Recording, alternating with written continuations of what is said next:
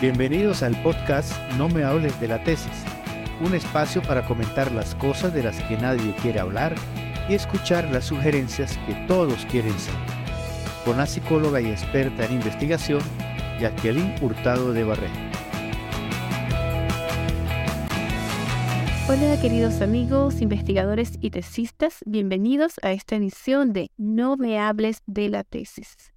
Hoy vamos a tratar un tema muy interesante y tiene que ver con todos asumen que sé cómo hacer la tesis. En muchas instituciones se piensa que en pregrado no es necesario hacer tanto énfasis en la investigación porque esa es una tarea que corresponde más al posgrado. Sin embargo, cuando los estudiantes llegan a cursar algún programa de posgrado, ya sea una especialización, una maestría o un doctorado incluso, muchos profesores y tutores asumen que ese estudiante, por el hecho de estar cursando un posgrado, ya conoce todo lo que se debe saber acerca de cómo realizar un trabajo de investigación. Sin embargo, esto no es cierto. La mayoría de los estudiantes, al llegar al posgrado, necesitan orientación precisa y concreta acerca de cómo hacer su trabajo. Generalmente, parte de los temores y de las dificultades que tienen los estudiantes para afrontar su trabajo de tesis es precisamente que no cuentan ni con la información ni con las competencias requeridas para hacer un trabajo de investigación que son bastante complejas y bastante variadas por ser. Hoy vamos a escuchar a nuestra amiga Angélica, quien nos hace un comentario acerca de esta problemática. Y le preguntamos a Angélica cuál fue una de las dificultades que ella confrontó a la hora de iniciar su posgrado. Eh, sí, bueno, por ejemplo, el acompañamiento. El acompañamiento definitivamente, porque pienso que el docente pues no es solo lea, yo sé que a nivel doctoral hay mucha autonomía por parte de, los tesistas, de los estudiantes, pero de todos modos el, no dejar al estudiante como solo en el camino hace que, que esa formación sea realmente sólida. Nos encontrábamos en chat, en una clase, y los tutores pues eran como con muchas generalidades, pero de pronto yo tendría que aportar algo de mi grupo y, no se trabajaba con ese dato, ¿sí? O, era muy mini, era muy mini cuando se da eh, una explicación como en términos generales, desde la propia teoría, pero sin que uno la logre contextualizar, es difícil lograr la claridad o, o que encajen las piezas de, ah, ya entendí esta parte teórica de y realidad cuando los profesores, tutores y asesores asumen que el estudiante ya tiene las competencias, generalmente en sus explicaciones omiten una parte importante de las instrucciones específicas y los procedimientos especializados que cada estudiante debe seguir y que pueden ser muy diferentes de un trabajo de investigación a otro. Cuéntanos, por favor, Angélica, cómo ocurrió esta situación en tu caso como yo vengo de maestría, porque pues ese es un prerequisito, ¿sí? Que, que uno tenga también la maestría previa al doctorado. Entonces, eh, uno hace una tesis, también presenté el artículo que, que había hecho con la maestría, pues digamos que dentro de la dinámica de lo que aprendí de metodología en la investigación en la maestría, cuanto a técnicas, en cuanto al tratamiento que uno hace la información que uno ya pues domina eso. En el doctorado tenemos el seminario de metodología de la investigación. Nos lo separaron en dos, seminario cualitativo, seminario cuantitativo. Entonces, cuando nos fuimos al seminario cuantitativo, pues como en la maestría también vimos seminario cuantitativo, pues suponía que uno ya ah, manejaba software, que hacíamos gráficos y toda esta parte de, de representar los datos y con un software que ya lo dominábamos. Algo yo aprendí, por ejemplo, con Atlas pero yo no conocía otro software. Entonces, puede ser la debilidad de formación desde la maestría, pero también el doctorado, pues, tiene que educarlo a un buen eso, tiene que enseñarlo, llevarle a la experticia de, de ese tratamiento de la información y de los datos, ¿sí? El diseño de los instrumentos. Lo daban por sentado que en la maestría habíamos aprendido a diseñar instrumentos y, Y acá en el doctorado ni siquiera hicimos un taller para cómo eh, lo deben diseñar. Que uno ve también es como que el doctorado me van a entrenar para aprender a hacer un instrumento, me van a entrenar para saber manejar no solamente un programa, un software, y, de pronto eso no está. O no sé si es que eso no debe estar en un doctorado.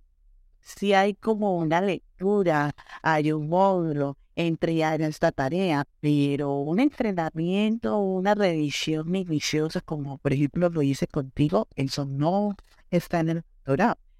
Esta carencia de competencia y de información para asumir un trabajo de investigación amerita de un seguimiento mucho más continuo y estrecho, que no se suele dar en las clases de seminario de investigación y que tampoco suelen dar los tutores porque asumen que la persona, por estar cursando un programa de posgrado, pues ya tiene la autonomía suficiente y el conocimiento necesario para hacer su trabajo.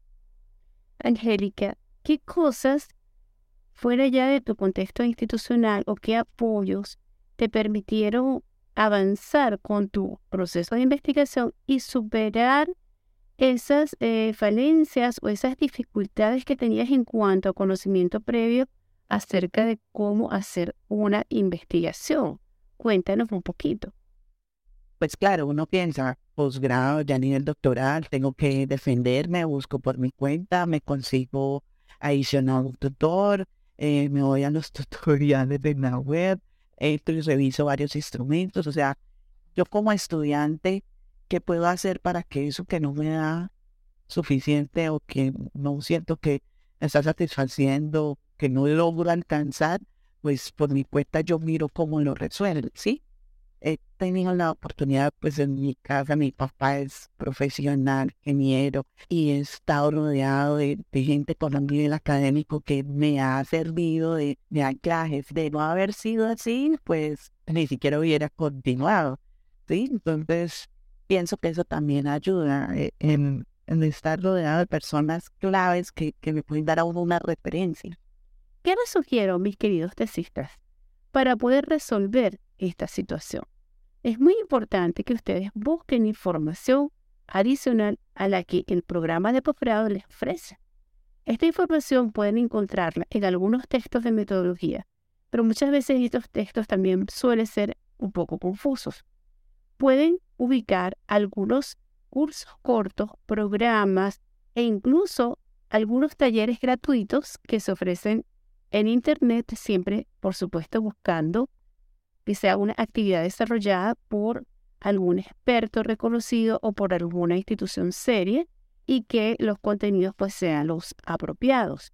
Otra opción que tienen es buscar asesoría experta personas que ya por su experiencia sobre todo y por su conocimiento pueden darles una orientación mucho más precisa y un acompañamiento tal como ustedes lo necesitan. Sabemos que no todas las investigaciones son iguales, que hay diferentes tipos de investigación y que incluso dentro de un mismo tipo de investigación los procesos pueden cambiar. Entonces es importante que ustedes asuman el control de su trabajo de investigación asuman las riendas de su trabajo y tomen la iniciativa de no esperar que sea la institución quien les provea toda la información, sino de buscar por sus propios medios el apoyo que necesitan. Muchísimas gracias, Angélica, por haber compartido tus experiencias, por haber comentado con nosotros los procesos que atravesaste durante tu trabajo de investigación y esperamos que tengas muchísimo éxito con tu trabajo. ¿Quisieras agregar algo más a lo que ya nos has comentado?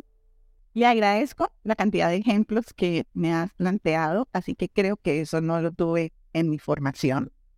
Y le agradezco haberse retrocedido a cosas que se supone que yo a nivel de maestría tendría que haberlas dominado, así que en mi universidad doctoral creo que no se retrocedieron nunca y trabajar como directamente con tu caso específico, ¿sí? Muchísimas gracias, Angélica. Estoy segura de que vas a tener mucho éxito con tu trabajo de investigación. Espero que estas reflexiones y estas sugerencias les sean de utilidad para seguir con ánimo y entusiasmo avanzando en su trabajo de investigación. Estimados tesistas e investigadores, muchísimas gracias por habernos acompañado. Los esperamos en una nueva edición de No me hables de la tesis.